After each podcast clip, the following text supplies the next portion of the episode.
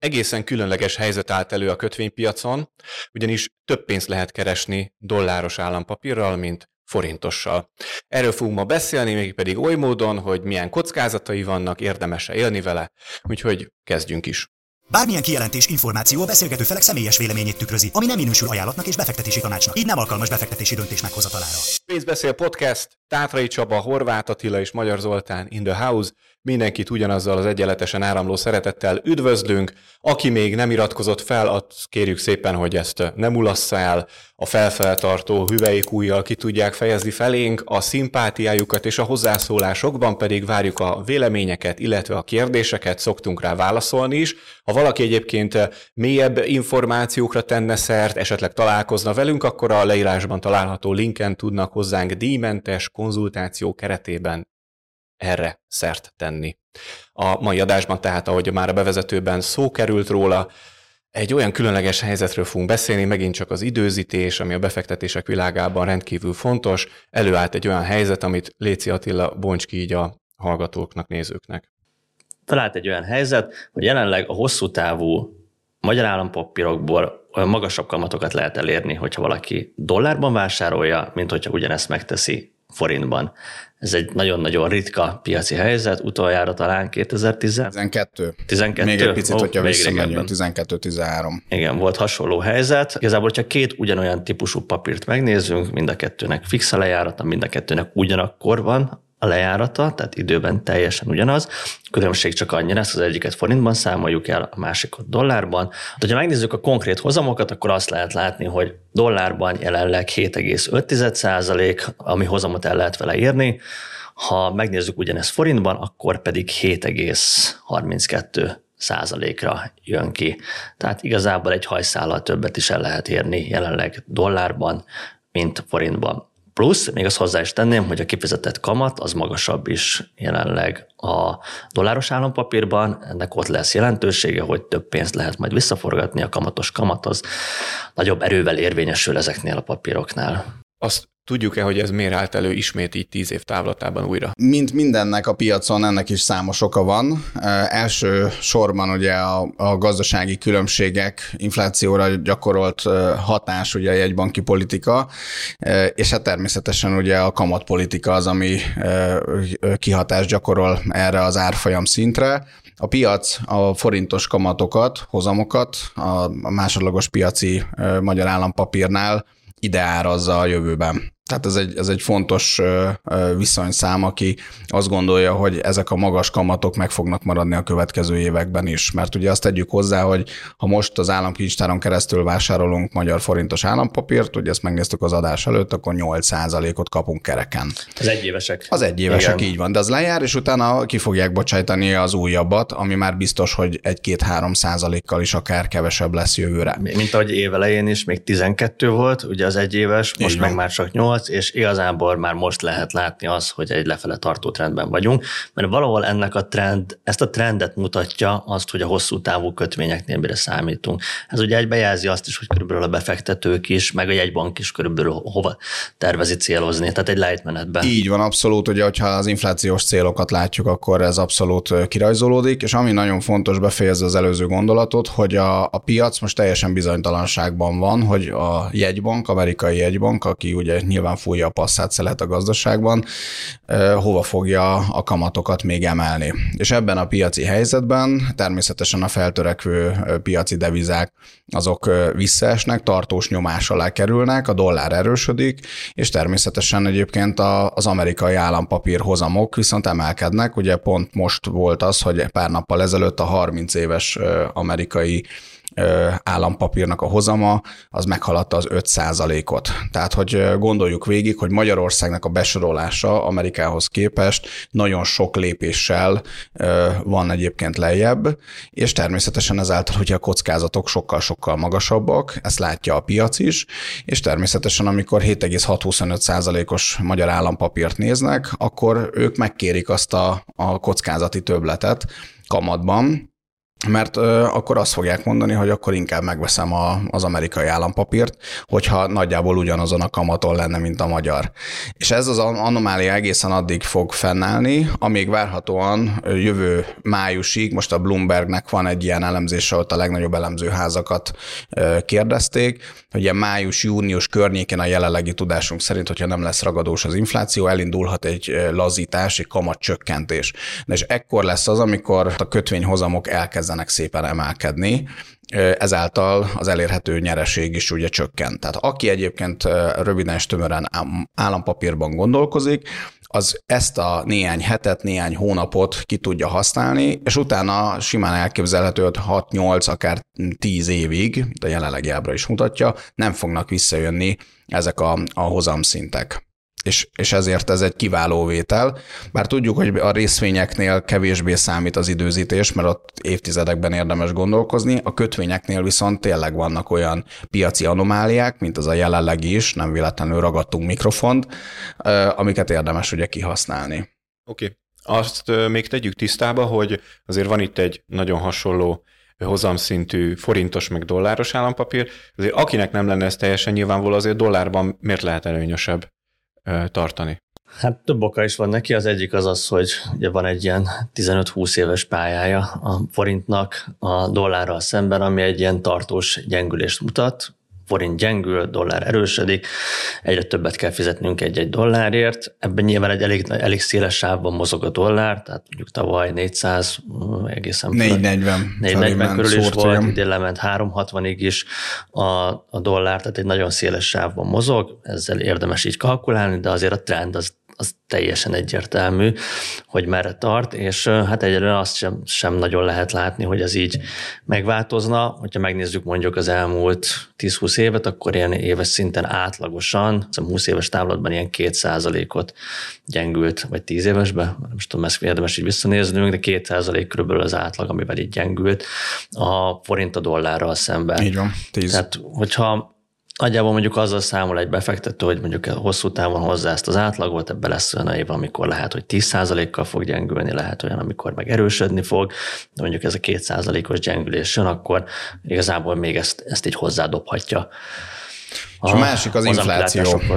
A másik az infláció. Ugye, hogyha visszanézünk 2000 és 2022-re, tehát egy 22 évnek az átlaga, az 2,49 Amerikában a, az a dollárnak az inflációja éves Szemben szinten. egyébként a magyar az 5% felett van. Ha súlyozzuk az elmúlt 5 évre, akkor nyilván ez még több. Igen, meg hát hogyha valahogy elő, próbálunk ilyen józan parasztészt így előre gondolkodni, hogy vajon melyik országban lesz magasabb az infláció a következő 10-20 évben? Magyarországon vagy az Egyesült Államokban?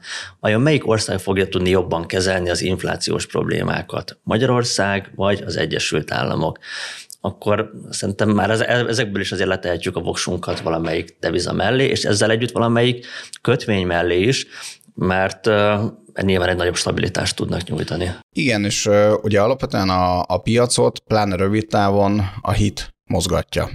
Tehát az, hogyha a jegybankokat nézzük, és a jegybanki politikát, a magyar kommunikációt mondjuk csak az elmúlt két-három évre, hogy milyen üzeneteket küldött a piacnak. Ugye emlékszünk a tavaly szeptemberi kiállásra, ugye a jegybank elnök, amikor mondta, hogy 13 százalék és ne tovább, és nem emelem tovább a kamatokat, és utána a zuhanó repülésbe leértékelődött a forint, a dollár, a svájci frankkal, euróval szemben, ott voltak ezek a brutális magas csúcsok, 4,32 euró, 4,40 felett volt a dollár, stb. stb. És szemben egyébként ugye a Fed, az amerikai egybank, ő azt mondja, hogy 2% a cél, és most már mindenki szinte könyörög, el tudom képzelni, hogy a legnagyobb alapkezelők is négy kézláb járnak ott a Fed irodája előtt, a Jerome Powell előtt, hogy ugyan már légy szíves, most már fejezd be ezt az őrültséget, és ne emeljél tovább, mert egyébként 3% körüli inflációról beszélgetünk, de ő kitűzte azt, nyilván a, a konszenzusban az összes többi Fed elnökkel, hogy 2 százalék és megtesznek mindent annak érdekébe. És valójában ezek azok az üzenetek, ezek azok a határozott beleállások, amik a, a bizalmat nagy mértékben erősítik egy befektetéssel szemben. És ezért van az, hogy, hogy, hogy hosszú távon azért a piac a dollár alapú befektetésekben sokkal jobban bízik, mint a forint alapúakban. Igen, és akkor itt meg is jegyeznénk azt, hogy arról, hogy a piacon milyen alaptörvények működnek, illetve az, hogy az alapkamat, illetve ezeknek magának egy magnak a működése hogyan hat a befektetésekre, erről a hamarosan megjelenő könyvünkben is egy külön alfejezet szól, mert ez egy olyan alapvető, minden befektetőt érintő alaptörvény, amit tényleg érdemes mindenkinek tudnia, tisztában lennie, és ez alapján felmérni azt, hogy mik azok a fő paraméterek egyáltalán a gazdasági hírekben is, amiket érdemes követni ahhoz, hogy egyáltalán jól tudjon tájékozódni, illetve hogy jó befektetési döntéseket tudjon hozni. Illetve egy külön fejezetet szántunk arra, hogy magát a kötvénypiacot, a kötvényeknek a működését, a másodpiaci kötvényeknek a működését érthetően és a gyakorlatban jól használható módon bemutassuk. A könyvet pedig a leírásban található linken lehet megrendelni. Nem mondott, hogy írtatok egy könyvet. Képzelt. Érthetően Olvastad? a befektetésről? Ez a címe? Igen. Olvastam. Nagyon jó. Mindenkinek javasoljuk az előrendelést, az említett módon lehet hozzáférni. Tételezzük fel akkor, hogy megtetszett nekem ez a dolláros magyar állampapír, tetszik Azt a magas... a könyv. Az nem tetszett? De nagyon jó a könyv. Én elolvastam, ö, ö, sajnos nem papíralapon még, de bennem teljes elégedettséget szült. Már azt azon csodálkozom, hogy még, még, még nincsen papírformában elő, előállítva. Már csak a nyomdára Már a nyomdára Már vár, igen. Van? Tehát, hogy mi annyira nem csodálkozunk, mert látjuk az ügymenetet, hogy itt hosszú hónapok telnek el, mire a, a Word doksiból átkerül mondjuk a papíralapra, de már a nagy részét egyébként kiültük ennek a folyamatnak. Jó, viszont tényleg ilyen vásárlási szándékot le lehet adni, sőt, lehet, hogy valakiben már fölmerült, hogy akar venni ilyen dolláros magyar állampapírt, tételezzük fel, hogy én mondjuk ilyen személy vagyok, akkor azért mégiscsak figyelembe kéne vennem, hogy milyen kockázatai vannak ennek. Uh-huh. Beszéljünk erről. Hát lesz kockázata is. Az egyik ilyen az, hogyha még tovább emelkedik az alapkamat Amerikában. Szerintem kicsi rá az esély, de azért ne zárjuk ki teljesen. Ugye a, mondjuk a hosszú távú átlag alapkamat az 4 százalék, most tartunk 5-nél, de ugye ez fölmehet akár még, hogyha ragadós van az infláció, fölmehet nem tudom 6-ra. Hát akár hétre is a JP. Morgan elemzői hetet mondtak, ami szerintem azért nagyon abszurd már, tehát ott tényleg egy komoly recessziós az, az már nagyon hullámba kerül. Mindenkinek. Már így az is már nagyon, fájdalmas a kötvénybefektetőknek, de az meg összeroppantana akár ö, alapkezelőket, bankokat, tényleg az már így. Hát meg országokat, mert ugye ezt ne felejtsük Igen. el, hogy a feltörekvő országok nagy része dollárban van eladósodva nagyobb kamatterhet jelentene, Nagyon, nekik többet persze. kellene visszafizetni, nehezebbe jutnának hitelhez, ó, ezek borzasztó dolgok lennének, de azért ne zárjuk ki, mert nyilván az ördög nem alszik, ez benne van a forgatókönyvben. Én úgy gondolom, hogy ezért, hogyha valaki alapvetően állampapírokat vásárol, akkor azokat sem egy pár hónapra, rövid távra vesszük, főleg eleve egy hosszú távú kötvényt. Szerintem, hogyha az a kiindulási alapunk, hogy azt mondjuk, hogy 7,5 százalék dollárban, ez így oké okay nekünk a következő pár évre, és hogyha erre azt mondjuk, hogy ez így rendben van, akkor, akkor igazából onnantól már így figyelmen kívül tudjuk hagyni azt, hogyha lehet, hogy mi megvettük 7,5 ér, de aztán mondjuk valamilyen csoda folytán felment 8-ra, hát igazából ez sajnos mindenben benne van, tehát hogy pont megvásároljuk, és akkor majd utána még egy kicsit tovább megy az árfolyam, de talán annak nagyobb valószínűsége van, hogy megvesszük 7 és félen, és aztán lemegy 6 és félre, és pesgőt bontunk, hogy mi a lehető legjobb időben vásároltunk. De ez az árfolyam rizikót, az kétségtelenül érdemes így belekalkulálni. Jó, és akkor a másik eset, amikor meg nem kell már tovább emelni a kamatokat, és el is és elkezd esni, akkor természetesen ugye a hozamok elkezdenek ugye emelkedni, és ezáltal ugye az elérhető nyereség, hogyha valaki mondjuk fél év vagy év, év múlva száll be, az jelentősen azért tud csökkenni. Én ide hoznék egyébként két típusú befektetőt. Az egyik azt mondja, hogy 41-ig neki ez teljesen jó üzlet, és szerintem itt az asztalnál ilyen befektetők vannak, akik évtizedekbe gondolkoznak. És az mennyire kiszámítható, hogy azt tudom mondani, hogy most közel 7,5 százalékon én minden évben dollárba kapok, és teljesen mindegy, hogy addig fölmegy ugyanúgy 180 százalékra az árfolyam, mert ugye ott volt egy-két évvel ezelőtt, ott volt a csúcsa ennek a másodpiaci dolláros kötvénynek. Egyébként az pont, amit említették 2012-es, amikor beállt a mostanihoz hasonló anomália, onnantól következő pár Így évben van. ment föl 100-ról 180 Sőt, mínusz, mínuszon volt, tehát 85 százalék, ugye ezt ilyen 98 százalékon bocsájtották ki, és 85-re lesüllyedt. Ugye Magyarországot bóvli kategóriába ö, taszították, ez egyébként most is kinéz Magyarországnak, tehát lehet, hogy majd, Igen, de mondjuk az, azért körülmények is szerencsétlenek voltak, mert Nagyon, volt egy görög, görög adósságválság, persze. európai adósságválság is, ennek a közepén jött ki a magyar állampapír, amikor még ráadásul Magyarországot Bóliba is vágták, most szerintem egyáltalán nincsen ennyire rossz helyzet, reméljük, hogy nem is tartunk ebbe az irányba. Ehhez képest egyébként mégis egészen magasak a kamatok. Mm, egy kicsit vitatkoznék, de ez nem erről az adásról szól, szerintem, mert hogy az EU az sokkal jobb állapotban van, mint akkor, viszont Magyarország nincs sokkal jobb állapotban, mint akkor. De ezzel... Legalább a körülmények jobbak. Igen, és itt most tényleg Magyarországról beszélünk. Le, legalább mások jobb állapotban vannak, mások nem? Jobb állapotban az, azért vannak. az jó. Ez, azért az jó. Komolyra fordítva a szót, hogy itt kétfajta befektetői stratégia működhet. Egy az, aki megvárja a 41-es lejáratot, és közben teljesen mindegy, hogy lehet, hogy még lemegy 80-ra az árfolyam, vagy 180-ra fog majd emelkedni, hogyha itt megint nulla körül vágják a kamatokat, bár szerintem azok a kamat szintek nem fognak visszajönni, ami volt itt a 2010-es években. És van az a típusú befektető, aki azt mondja, hogy egy tartós befektetési számla időt kivár, mondjuk 5 évet, az egyébként egy nagyon jó megoldás, mert se az árfolyam adót nem kell befizetni, tehát az, hogy kifejezetten ugye a dollár-forint kurzusnak az árfolyamból származó nyereséget nem kell ugye befizetni, kamatadót, és a hozamát sem kell ugye leadózni. Tehát van ez a 5 éves időintervallum, és az biztos, hogy jövőre elindul egy kamatcsökkentés. Nem tudjuk a mértéket, nem tudjuk, hogy pontosan mikor, de ez fog jönni. és a kötvényeknél ez egy természetes folyamat, hogy ilyenkor elkezdenek emelkedni a hozamok, és azt tudja mondani bármikor a kedves befektető, hogy ő most megelégszik mondjuk 20-30 százalékos hozamemelkedéssel, úgy, hogy közben meg folyamatosan kapja fél évente a kamatokat, mert ez egy évben kétszer fizet ugye kamatot, tehát a 7,625-nek a felét fizeti ki fél évente márciusban, illetve szeptemberben, és akkor dönthet úgy, hogy ez bármikor eladja. Ugye a piacon vannak vásárlók, meg tudja ezt oldani egyébként T plusz két nap alatt,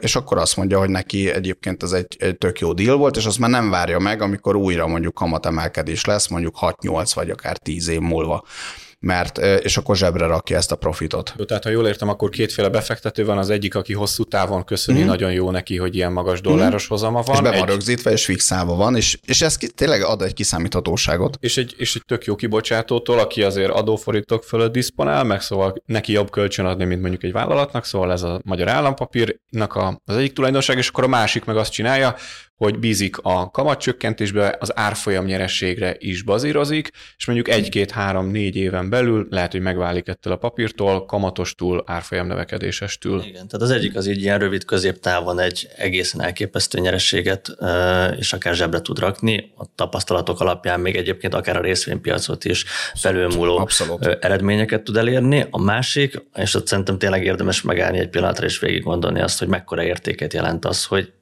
20 évre előre látjuk azt, hogy biztosan mennyi pénzt fogunk kapni. Hát tényleg a mai világban hát sehol nincsenek olyan dolgok, hogy évekre így garantálnak valamit. Hát az, hogy 20 évre előre lehet látni azt, hogy, hogy mennyi pénz fog beérkezni egy befektetésből, látom előre azt, hogy egy évtized alatt meg fogom duplázni a pénzemet, Hát ezek szerintem ritka dolgok.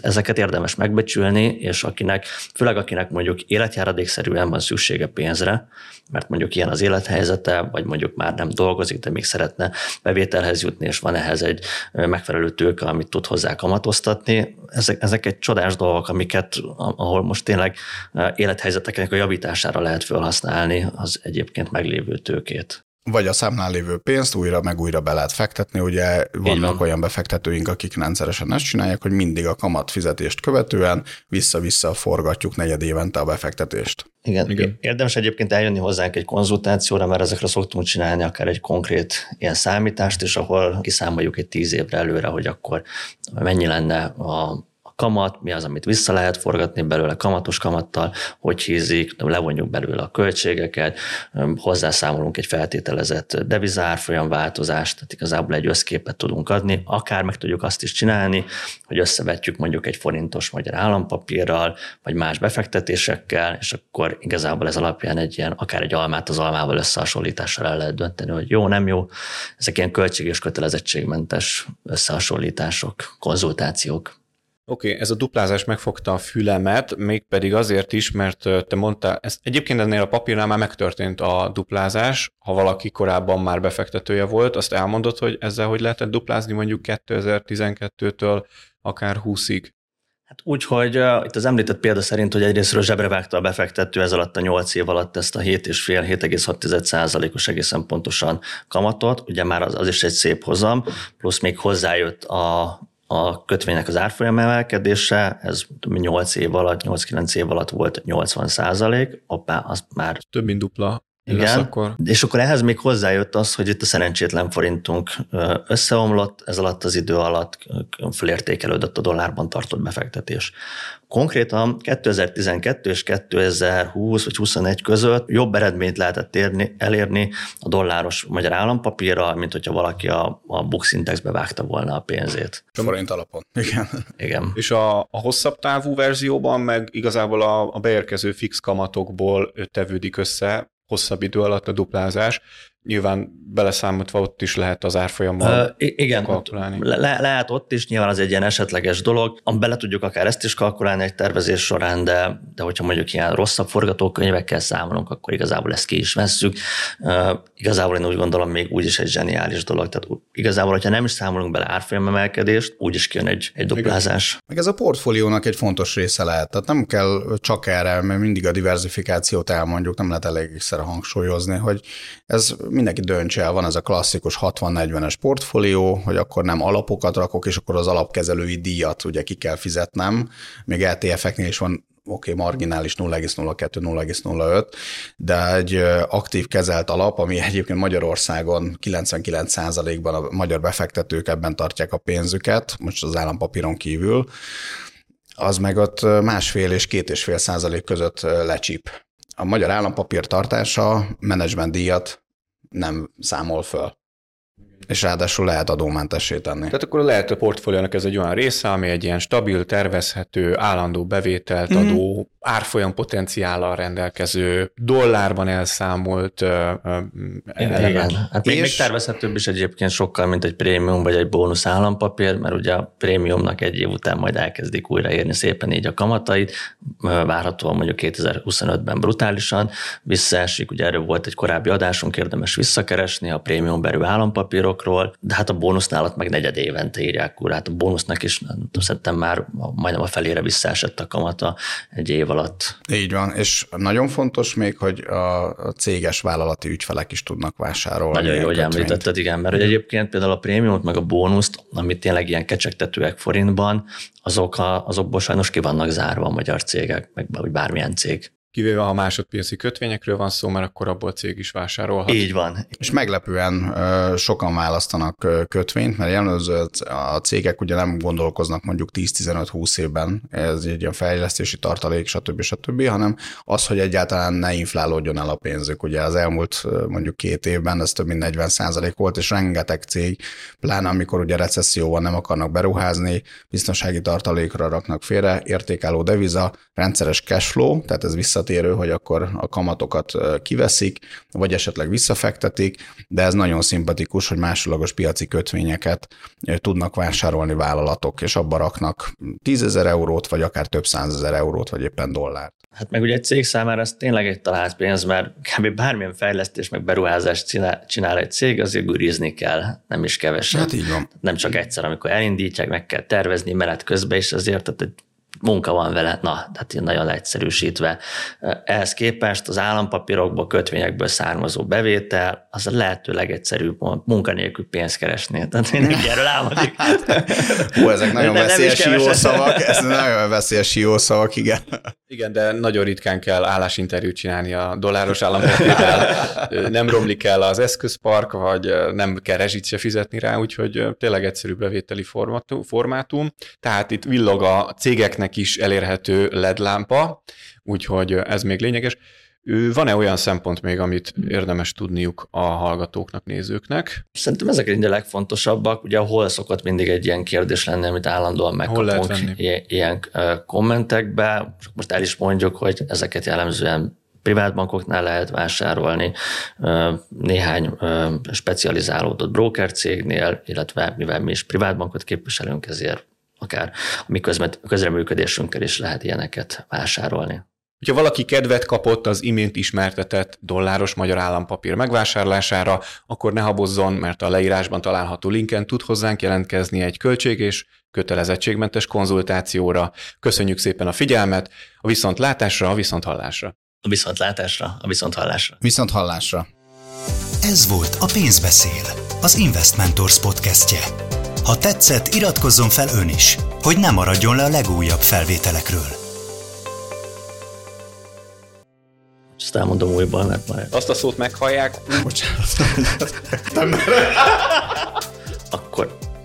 hogy így ez nagyon... A mikrofonba. Mi volt a kérdés? szóval össze... Bocsánat, ezt tényleg vágjuk ki. Pap... Sok más. Te, ö, na. Ennyire.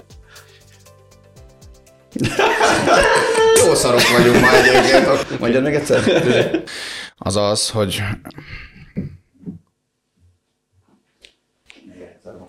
Jó. Ez volt a leghosszabb vágatlan pénzbeszél podcast Igen, adás. az biztos.